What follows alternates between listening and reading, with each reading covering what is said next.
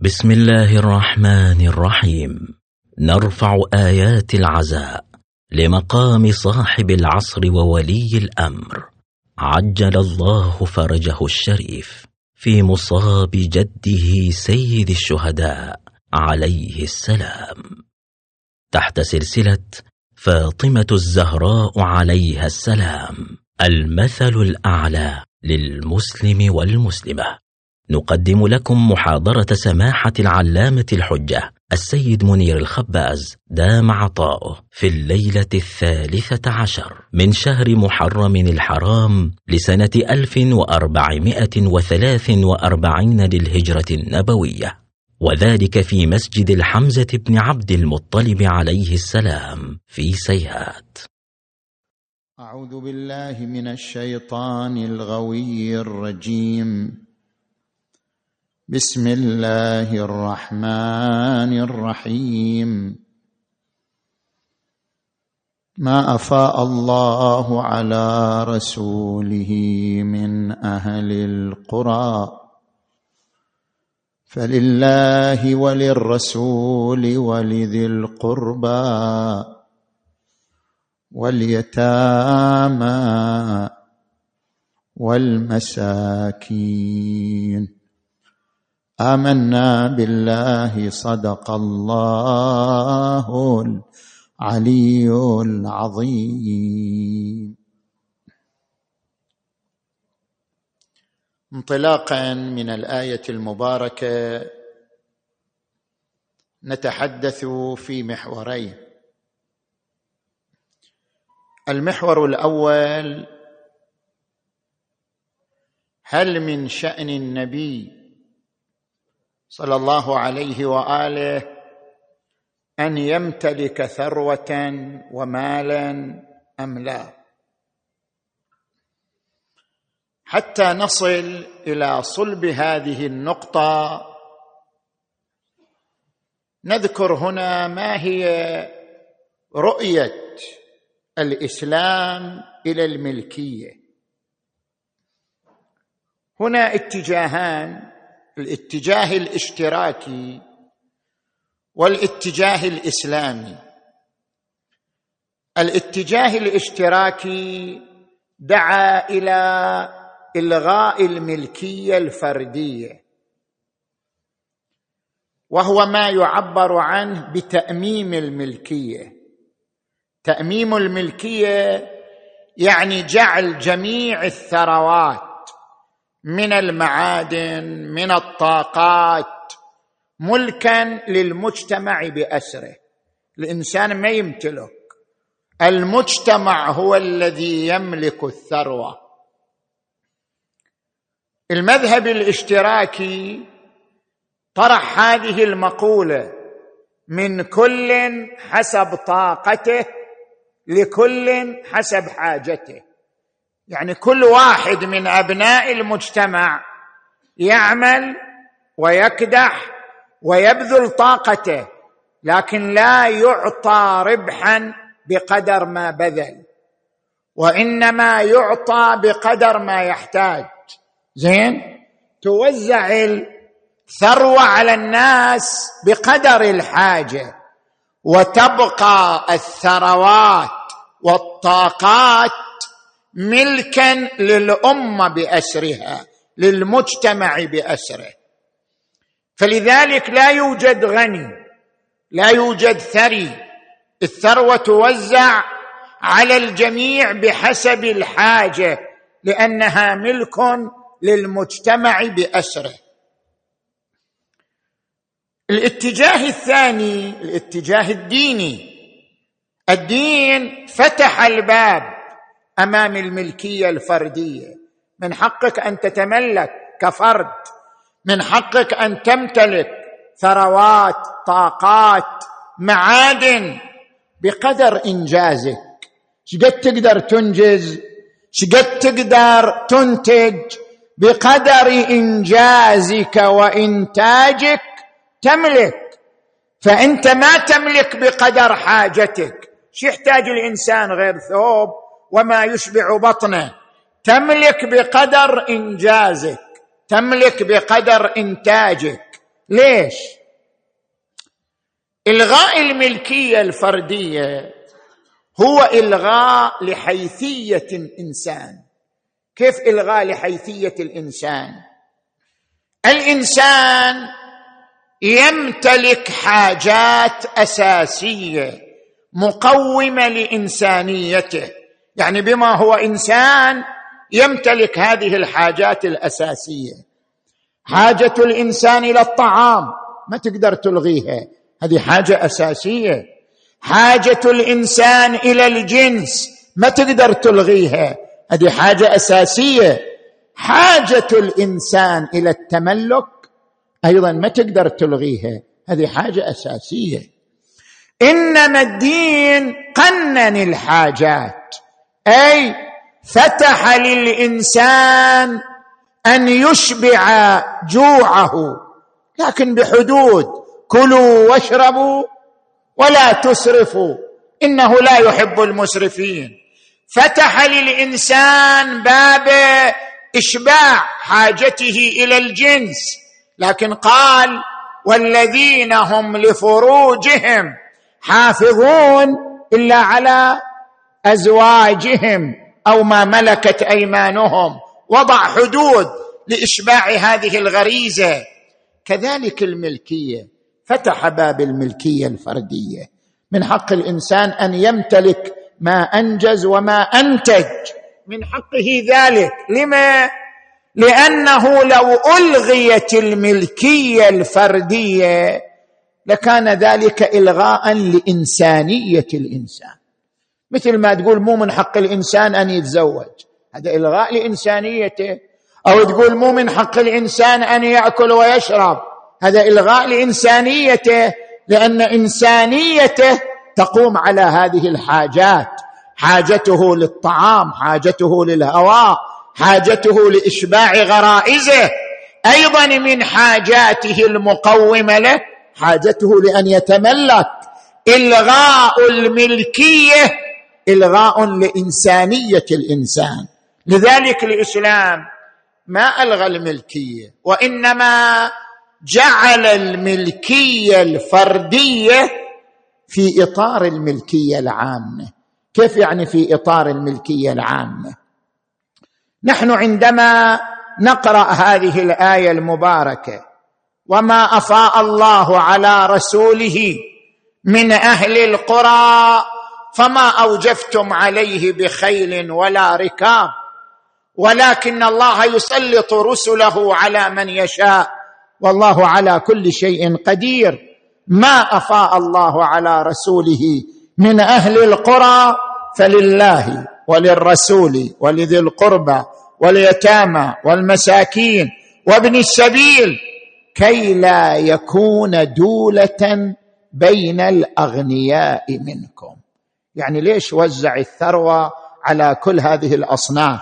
الله والرسول ذي القربى اليتامى المساكين من السبيل. هذا التوزيع حتى لا تتكدس الثروة عند جماعة.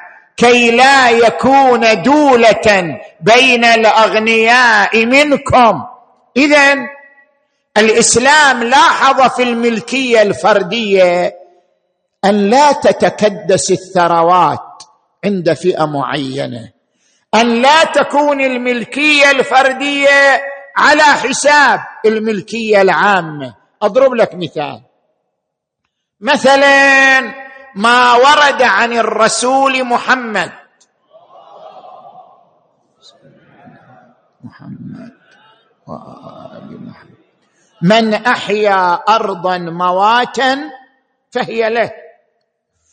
أي إنسان يجي إلى أرض في الصحراء يحييها بالزراعة يحييها بالبناء يملكها. من أحيا أرضا مواتا فهي له. طيب هذا إنسان يقدر يحيي أربعمائة متر يقدر يحيي ألف متر. لكن لو افترضنا إنسان عنده شركة عمال شركة كبيرة ويستطيع أن يحيي أرض مليون متر أو عشرة ملايين يعني يملكها كلها. هنا جاء التزاحم. بين الملكية الفردية وبين الملكية العامة. لو فتحنا باب الملكية الفردية على مصراعيه تملك ما تحوز؟ طيب هذا يقدر يحوز عشرة ملايين كيلو متر في الوقت نفسه. في خلال يوم يقدر يحوزها يقدر يحييها. عند شركات قادرة على ذلك يعني يملكها. إذا رايح تصير الأراضي كلها بيد شنو؟ بيد عشرة أشخاص أو شخصين لأنهم يمتلكون ثروة ويمتلكون شركات ويمتلكون قدرة. سوف تتكدس الثروات عند فئة معينة دون غيرهم. والقرآن يقول كي لا يكون دولة بين الأغنياء منكم. إذا الملكية الفردية مفتوحة أمامك. أنجز وأنتج وتملك. لكن لا على حساب الملكية العامة لا على حساب ملكية الفقراء والمحتاجين لا إلى تكدس الثروات عند فئة معينة. زين. من هنا ننتقل إلى أن الملكية على أقسام في ملكية عامة. وفي ملكية للمنصب وفي ملكية لشخص الإمام بحيثية الإمامة وفي ملكية شخصية. يعني عندنا أربعة أنواع من الملكية.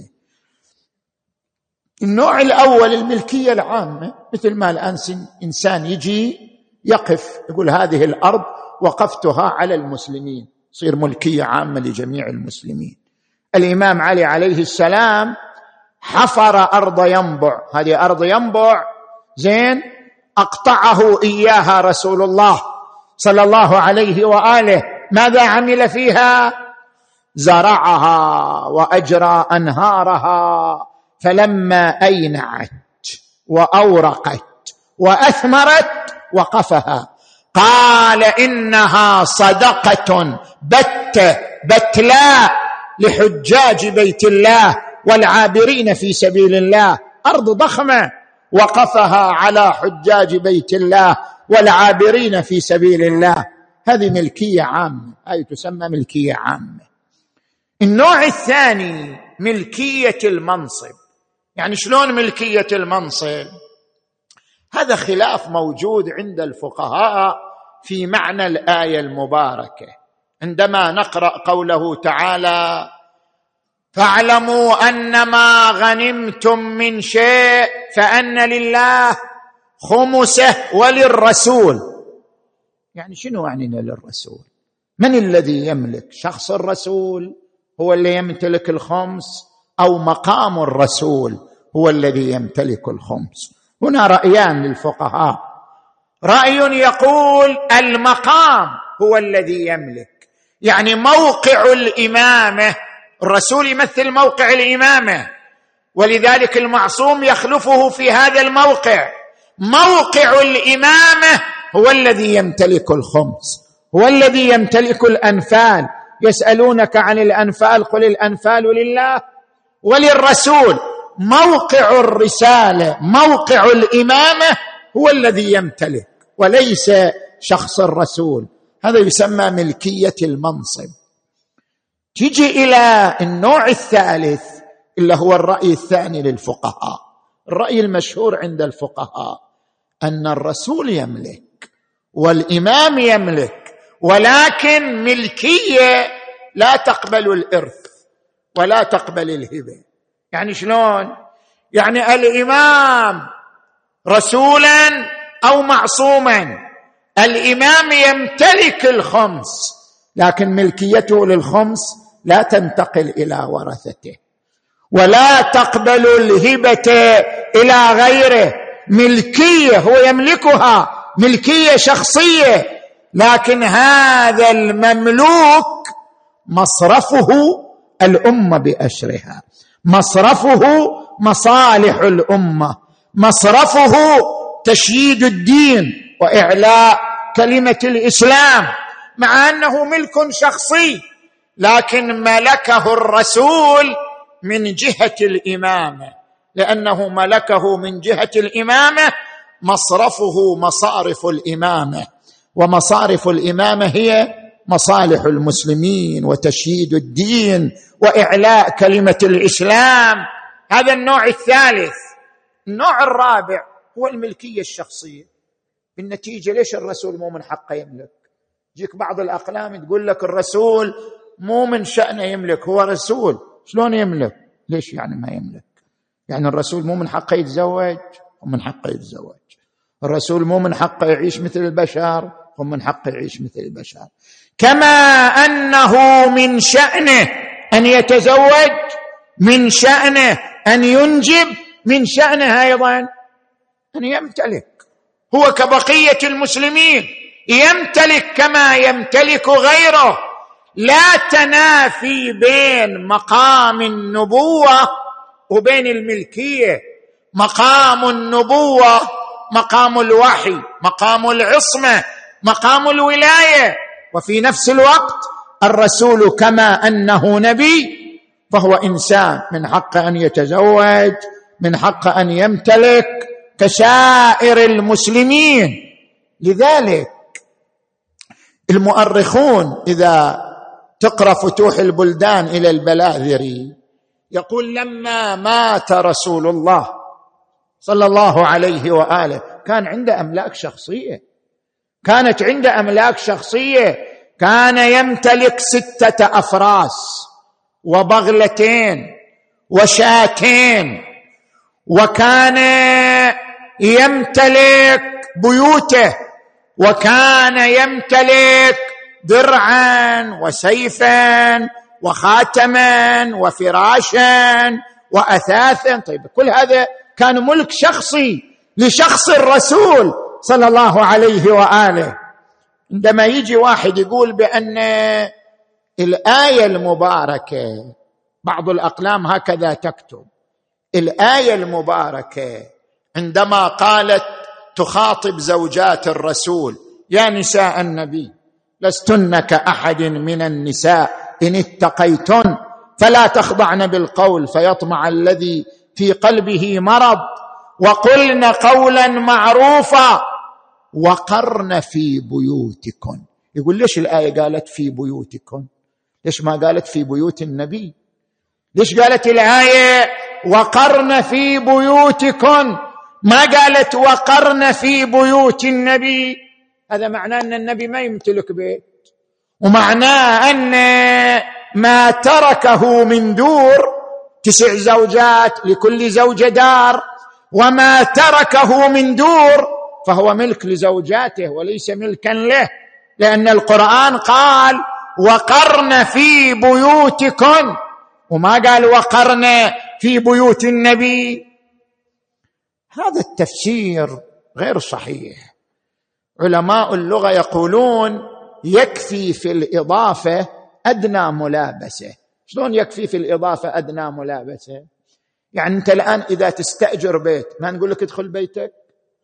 يقولون العرب يقولون ادخل بيتك مع أنه بيت شنو؟ مستأجر.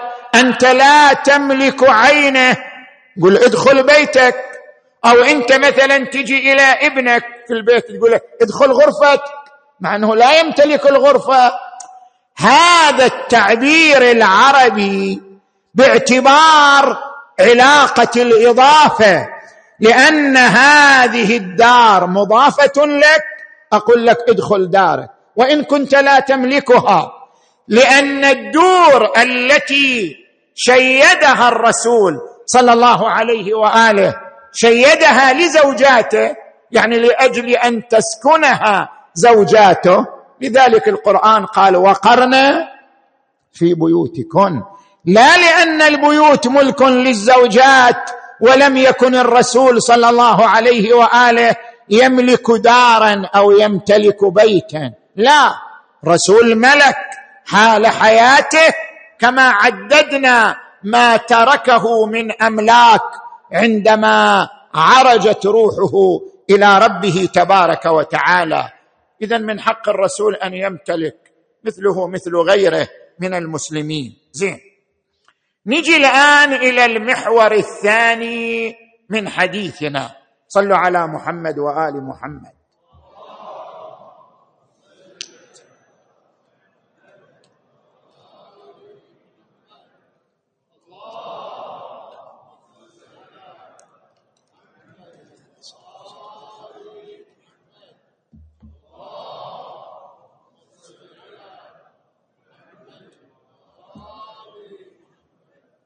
المحور الثاني هل كانت فدك ملكا لشخص فاطمة عليها السلام أم كانت وقفا على البيت العلوي؟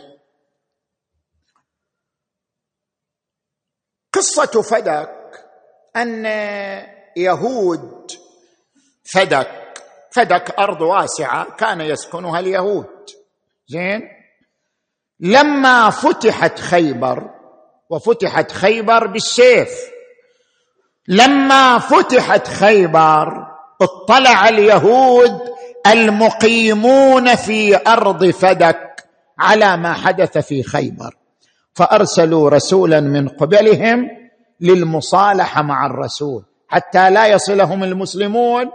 أرسلوا رسولا ليصالح الرسول على نصف أراضيهم. اقبل الرسول إلى النبي صلى الله عليه وآله أخبره أن يهود أرض فدك يريدون الصلح. ما يريد يطلعوا من أراضيهم؟ وما يريد المسلمون يفتحون الأرض؟ يريدون الصلح. فصالحهم الرسول على نصف الأراضي. فسلموا إلى رسول الله نصف أراضيهم المزروعة. يعني نصف تلك الأرض المعبر عنه بفدك. زين. لما وصلت وأصبحت تحت سلطة النبي صلى الله عليه وآله نزلت هذه الآية المباركة. وما أفاء الله على رسوله من أهل القرى. هذه القرية قرية فدك فما أوجفتم عليه بخيل ولا ركاب. يعني أنتم ايها المسلمون ما فتحتوا الأرض بانفسكم وانما هي صلح فما اوجفتم عليه بخيل ولا ركاب ولكن الله يسلط رسله على من يشاء والله على كل شيء قدير. طيب شنو؟ وين مآلها هذه الأرض؟ يقول القرآن في الآية الثانية في سورة الحشر ما أفاء الله على رسوله من أهل القرى. فلله وللرسول ولذي القربى واليتامى والمساكين وابن السبيل كي لا يكون دولة بين الأغنياء منكم. زين. الرسول صلى الله عليه وآله أعطى فدكا لفاطمة الزهراء عليها السلام. هنا يأتي سؤالان سؤال الأول هل من حق الرسول أن يقطع الأراضي للناس؟ يعني توصل له أراضي يروح يوهبها يعطيها يقطعها أم لا؟ هل أن الرسول من حقه ذلك أو لا؟ الجواب طبعا من سلطته رسول رئيس الدولة. وهذه الأراضي أصبحت تحت يده فمن ولايته صلى الله عليه وآله. ماذا يقول القرآن عنه النبي أولى بالمؤمنين من أنفسهم؟ يعني الرسول له الولاية على الأنفس فضلا عن الأموال. هو إلى ولاية على الأنفس فكيف الأموال؟ النبي أولى بالمؤمنين من أنفسهم. له الولاية على الأنفس والولاية على الأموال.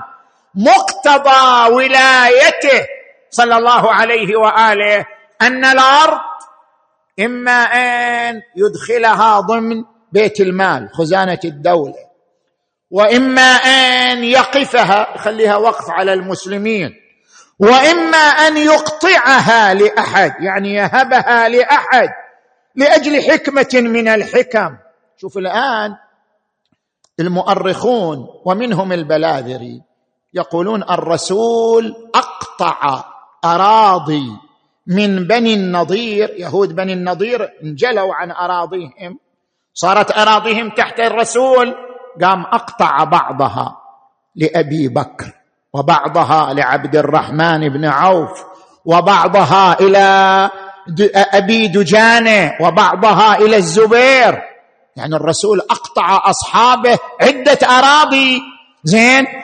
اذا من ولاية الرسول صلى الله عليه وآله أن يهب وأن يقطع بعض الأراضي لمن يرى ولمن يشاء.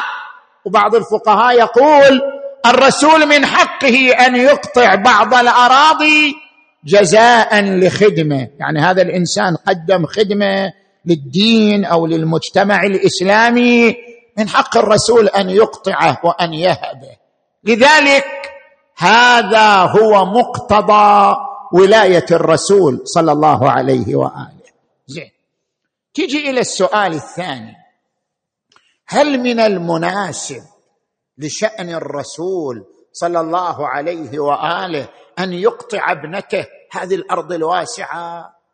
يعني علشان هي بنته علشان هي بنت رئيس الدولة يعطيها هذه الأرض الواسعة هل ينسجم مع مقام الرسول وهو الإنسان الصادق الأمين الذي يقول عنه القرآن الكريم لقد جاءكم رسول من أنفسكم عزيز عليه ما عنتم حريص عليكم بالمؤمنين رؤوف رحيم هل ينسجم مع رحمته ورأفته أن يميز بنت على الآخرين ويعطيها هذه الأرض الواسعة. ألا وهي أرض فدك هذا ما تفعله الملوك والسلاطين. هذا تكديس للثروة عند أسرته وعند بناته وعند أولاده. هل هذا ينسجم مع مقامه النبوي صلى الله عليه وآله أم لا؟ هذا السؤال المطروح. نجيب عن هذا السؤال بوجهين. الوجه الأول. تمليك ذي القربى ضرورة قرآنية. يعني إحنا ما نخرج عن القرآن. الرسول يمشي على ضوء دستور القرآني. دستور القرآني نص على ضرورتين لا محيص منهما. الضرورة الأولى مودة ذي القربى. قل لا أسألكم عليه اجرا إلا المودة في القربى هذا أمر ضروري من ضرورات القرآن. الضرورة الثانية ملكية ذي القربى. يعني ذي القربى لابد أن يتملكوا. شلون؟ اقرأ قوله تعالى فآت ذا القربى حقه. فلما نزل قوله فآت ذا القربى حقه أقطع فاطمة. في بعد أقرب إلى من فاطمة؟ ما يوجد. المصداق الواضح عند جميع المسلمين للقربى هو فاطمة. بعد واحد يقول يمكن الإمام علي مو قربى. بس ما حد يقدر يقول فاطمة مو قربى.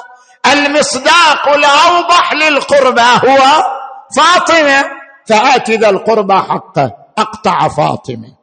القرآن الكريم يقول وما أفاء الله ما أفاء الله على رسوله من أهل القرى فلله وللرسول ولذي القربى. القرآن الكريم يقول فاعلموا أن ما غنمتم من شيء فأن لله خمسه وللرسول ولذي القربى. اذا عدة آيات تنص على أن ذا القربى له حق في الثروات له حق في الأموال لأنه لا يمكن ترك المسلمين لهم حق. زين؟ فقراء لهم حق. العاملين لهم. إلا ذو القربى ما لهم حق. ما يصير. الآيات القرآنية وزعت الأموال. إنما الصدقات للفقراء والمساكين والعاملين عليها. زين؟ والمؤلف قلوبهم وفي الرقاب والغارمين وفي سبيل الله وابن يعني كل العناوين ضمن لها القرآن شنو؟ مصرفا. كل العناوين في المجتمع الإسلامي ضمن لها القرآن رافدا. إلا ذي القربى ليس لهم رافد غير معقول. اذا كما ضمن القرآن لسائر العناوين رافد مالي فقد ضمن لذي القربى رافدا ماليا. فللرسول ولذي القربى فللرسول ولذي القربى فآت ذا القربى حقه. إذا تطبيق الدستور القرآني اقتضى من الرسول أن يعطي فاطمة. هي المصداق الأوضح لذي القربى. زين؟ الوجه الثاني فاطمة عليها السلام. ماذا تعني فاطمة؟ فاطمة هي وجه الإمامة. بيت فاطمة بيت الإمامة. علي والحسن والحسين وذرية الحسين صلوات الله عليهم أجمعين. بيتها بيت الإمامة. بما أن بيتها بيت الإمامة. بيت الإمامة يشكل بيت القيادة للأمة الإسلامية. ومن الواضح أن موقع القيادة له مصارف لأن الناس تلجأ إليه لأن الناس تعود إليه لأن الناس ترتبط به. فبما أن بيتها بيت الإمامة والإمامة هي القيادة والقيادة لها مصارف كثيرة. الإمامة تصرف على الفقراء والأيتام والمحتاجين والمعوزين. أعطيت فدك لفاطمة لتكون رافدا لموقع الإمامة حيث إن الإمام المعصوم من خلال هذا الرافد المالي ينفق على الفقراء والمحتاجين والمساكين. اذا ما كان إعطاء فاطمة تكديسا للثروة في أسرته وبناته ما كان إعطاء فاطمة تمييزا لها عن المسلمين كان إعطاء فاطمة لأن بيتها بيت القيادة وبيت القيادة له المصارف الكثيرة التي ترتبط بها المسلمون مع موقع الامامه لذلك مع أن الرسول أعطى فاطمة فدك كيف كانت تعيش فاطمة؟ طبعا بعضهم يقول هذا وقف على البيت العلوي يعني ما ملكه شخص فاطمة وقفه على البيت العلوي. هذا خلاف ظاهر الروايات. ظاهر الروايات أقطع الإمام يعبر أقطع أقطع فدكا. أقطع يعني شنو؟ يعني ملك شخصي هبة وليس وقفا. لذلك مع أن الزهراء ملكت ذلك كيف عاشت؟ الإمام علي كان فقيرا. وتأتي الزهراء إلى الرسول تخبره بضيق حال علي وأنه لا يمتلك شيئا. بإمكان الرسول يعطي أراضي يعطي ثروات يعطي أموال. لا لا لا. الرسول يقول لها أما علمت أنه لولا سيفه لما قام الدين؟ خلي فقير. بس لولا سيفه لما قام الدين فتعود إلى أمير المؤمنين وتخبره بما قال أبوها فيبتهج ويتهلل وجهه. فاطمة اللي أعطيت فدك كيف كانت تعيش؟ هل كانت تعيش على الرياش؟ أو كانت تعيش في قصر أو كانت تعيش في حلل يمانية آه، جميلة. كيف كانت تعيش فاطمة؟ نقلنا قبل عدة ليالي ما ذكره أمير المؤمنين عليه السلام عنها. قال ألا أحدثك عن فاطمة؟ قلت بلى. قال لقد استقت بالقربه حتى أثر في صدرها. وطحنت بالرحى حتى مجلت يداها وكسحت البيت حتى اغبرت ثيابها وأوقدت تحت القدر حتى دكنت ملابسها. طيب وين عن أرض فدك وعمال وثمار؟ وين؟ لأن أهل البيت انصرافهم لله تبارك وتعالى. كل هذه الثروات تصرف على مصالح المسلمين من قبلهم وأوقدت القدر حتى دكنت ملابسها فأصابها من ذلك ضر شديد. فقلت لها هلا ذهبت لأبيك وطلبت خادما؟ خادم. هلا ذهبت لأبيك وطلبت خادما؟ فجاءت إلى أبيها رسول الله وكان عنده حداث يعني جماعة يتحدثون معه فاستحت أن تكلمه ورجعت إلى أنصار الليل أقبل الرسول إليها. قال يا فاطمة جئتني اليوم تريدين شيئا؟ ماذا كنت تريدين؟ فسكتت فقال علي أنا أخبرك يا رسول الله إن فاطمة كذا وكذا وكذا وقد أصابها ضر شديد فجاءتك تطلب خادما. قال ألا أعلمكما شيئا خيرا هو خير لكما من الخادم. ماذا؟ قال إذا قمتما إلى منامكما فكبر الله أربعا وثلاثين. وسبحاه ثلاثا واحمداه ثلاثا وثلاثين وسبحاه ثلاثا وثلاثين. فقالت الزهراء عليها السلام رضيت عن الله وعن رسوله.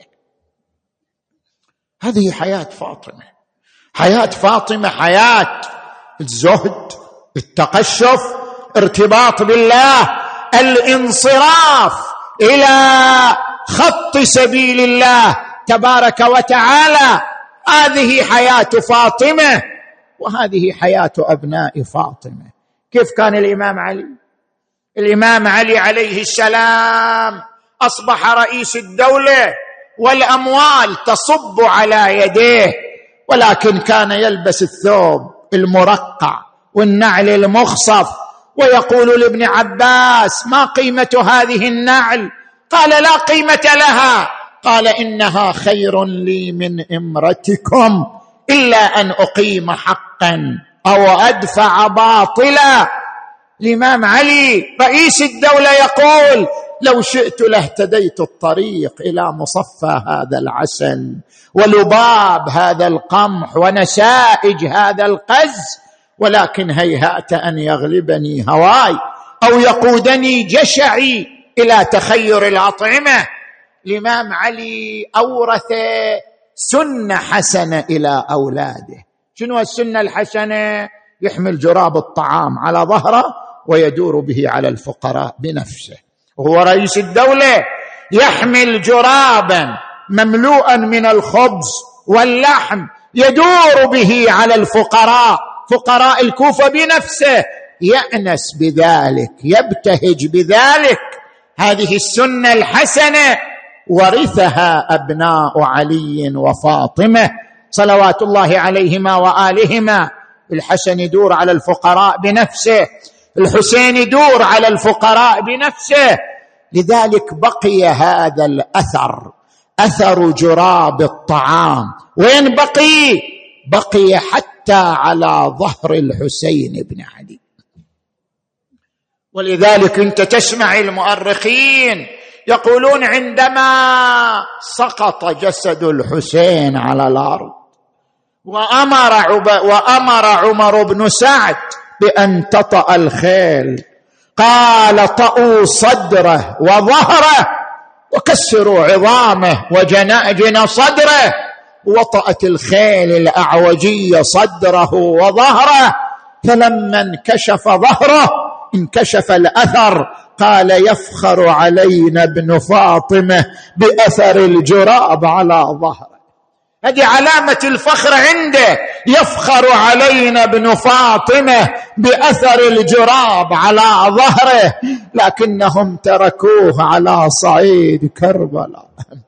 بلا غسل ولا كفن. تسفي عليه الرياح وتظلله الطيور وتهمي عليه الرمال وهو في تلك البقعة. ها إلى أن جاء نفر من بني أسد. وصلوا إلى كربلاء. وظلوا يريدون الفرات. وصلوا إلى الفرات إلى المشرعة يستقون القرب. فرأوا فارسا مقتولا على المشرعه مقطوع الزنود مفضوخ أعلى الظهر ها؟ وهناك قربه ملقاة على جانبه. تحجب وقال شنو هذا المنظر؟ ماذا حدث؟ الظاهر هذا فارس جاء إلى المشرع يريد أن يستقي فقتل ها هنا ها؟ دعونا ننظر ماذا يحصل. كربلاء كلها تلال. صعدوا على التلال وإذا بالأجساد على الأرض جسدا بعد آخر. 72 جسد على الأرض ها؟ هذا على يمينه هذا على شماله هذا على صدره هذا على ظهره. موزعة مفرقة الأشلاء. الله أكبر. ماذا حدث هنا؟ إن صدق الظن فهذا مكان قتل فيه الحسين. إحنا سمعنا أن الحسين قتل ها لعله هذا المكان الذي قتل فيه الحسين. خلونا نمشي نتبع. علنا نصل إلى جسد الحسين. وصار نساء بني أسد يمشوا على الأرض ها؟ وها لهم منظر من بعيد ها؟ منظر غريب من بعيد. ما هذا المنظر؟ رأوا مجموعة من الطيور تظلل على المكان. مجموعة من الطيور تظلل على المكان ها. أسرعوا إليه إلى أن وصلوا. لما وصلوا وإذا بالحجارة والسهام والنبال والرماح ركام مجتمع على جثة الحسن الله أكبر. قالوا إن صدق الظن فهذا جسد الحسين. هذا جسد أبي عبد الله دعونا نقوم بتجهيزه. جاءوا إلى رجالهم قوموا إلى تجهيز ابن بنت رسول الله. قالوا لا قبل لنا بذلك. قالوا أعطونا عمائمكم وسيوفكم ونحن نقوم بتجهيزه. انترك ابن بنت رسول الله على الرمال بلا غسل ولا كفن. أقبل رجال بني أسد احتفوا بالجسد الشريف. تحيروا كيف يقومون بدفنه. لا توجد فيه قطعة سالمة. بينما هم متحيرون. وإذا بغبر من ناحية الكوفة قالوا تنحوا عن الطريق لعل هذا من جماعة عبيد الله بن زياد. نخاف أن يصلنا. تنحوا عن الطريق. وإذا بفارس على جواده وصل إليهم نزل من على جواده. وإذا هو نحيف الجسم منحني الظهر الله يساعده الله يعظم أجره. هذا صاحب المصيبة ها. نزل من على فرسه أقبل إليهم يجر رجليه سلم عليهم ردوا عليه السلام. ما تصنعون هنا؟ قالوا جئنا نتفرج على هذه الأجساد. قال لم تأتوا للفرجه أخبروني. قالوا لنا الأمان. قال لكم الأمان. قالوا جئنا نجهز جسد الغريب. أكو غريب متوفى هنا أكو غريب ميت هنا. من هو هذا الغريب المظلوم؟ هذا الحسين بن بنت رسول الله. جايين إحنا نجهزها قال وأنا كذلك جئت لتجهيزه. أعينوني على ذلك ها. دفن عم العباس في مكانه ودفن الأجساد في مكان معين وجاء بعدين إلى جسم أبيه الحسين ها. عظم الله أجوركم. مد يديه تحت الجسد. أراد أن يرفعه إلى القبر فتساقطت عظامه. وتناثرت أشلاؤه. ما في شي سالم ما في شي سالم. ها الجمال قطع كفه وبجدل قطع خنصره والخيل داست على صدره. والشمر اهتز نحره فما بقي في الجسد عضو سنه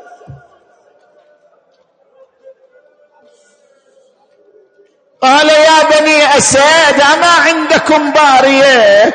حصير من النخل ما عندكم؟ قالوا بلى جاءوا بالحصير فصار يجمع عظامه عظما عظما.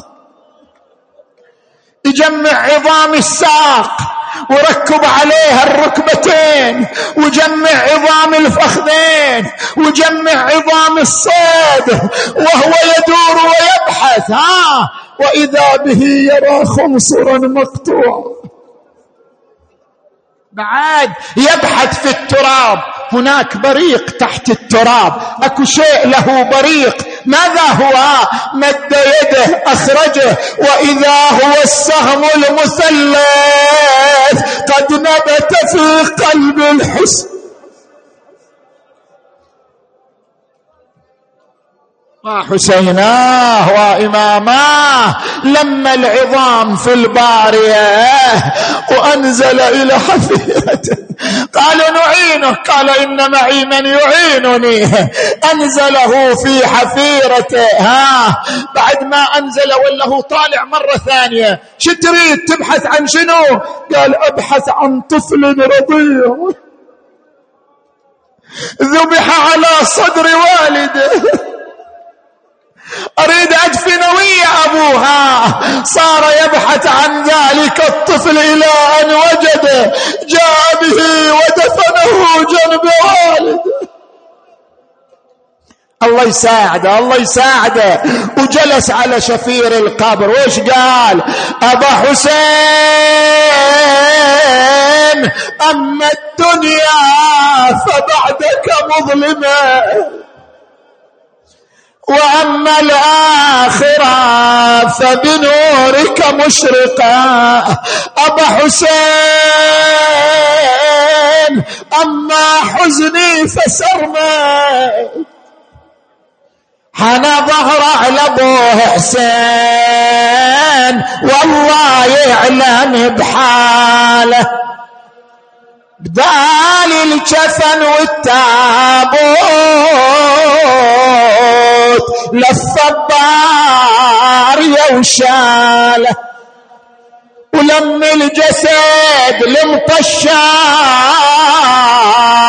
يا ويلي وجمع وصاله وإحنا له في قبره وقلبه من شطر نصفه. سؤال سؤال. لو قلنا الجسد لما. وجاب الخنصر المقطوع.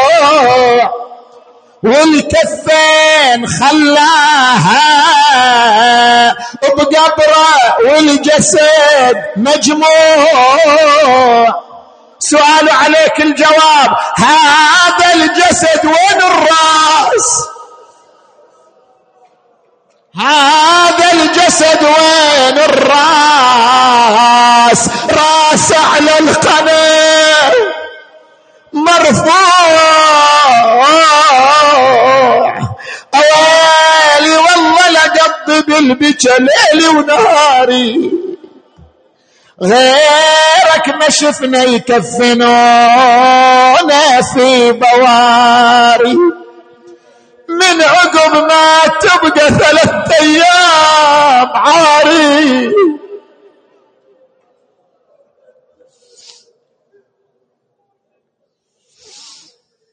يا ميتا ترك الألباب حائرة وبالعراء ثلاثا جسمه ترك.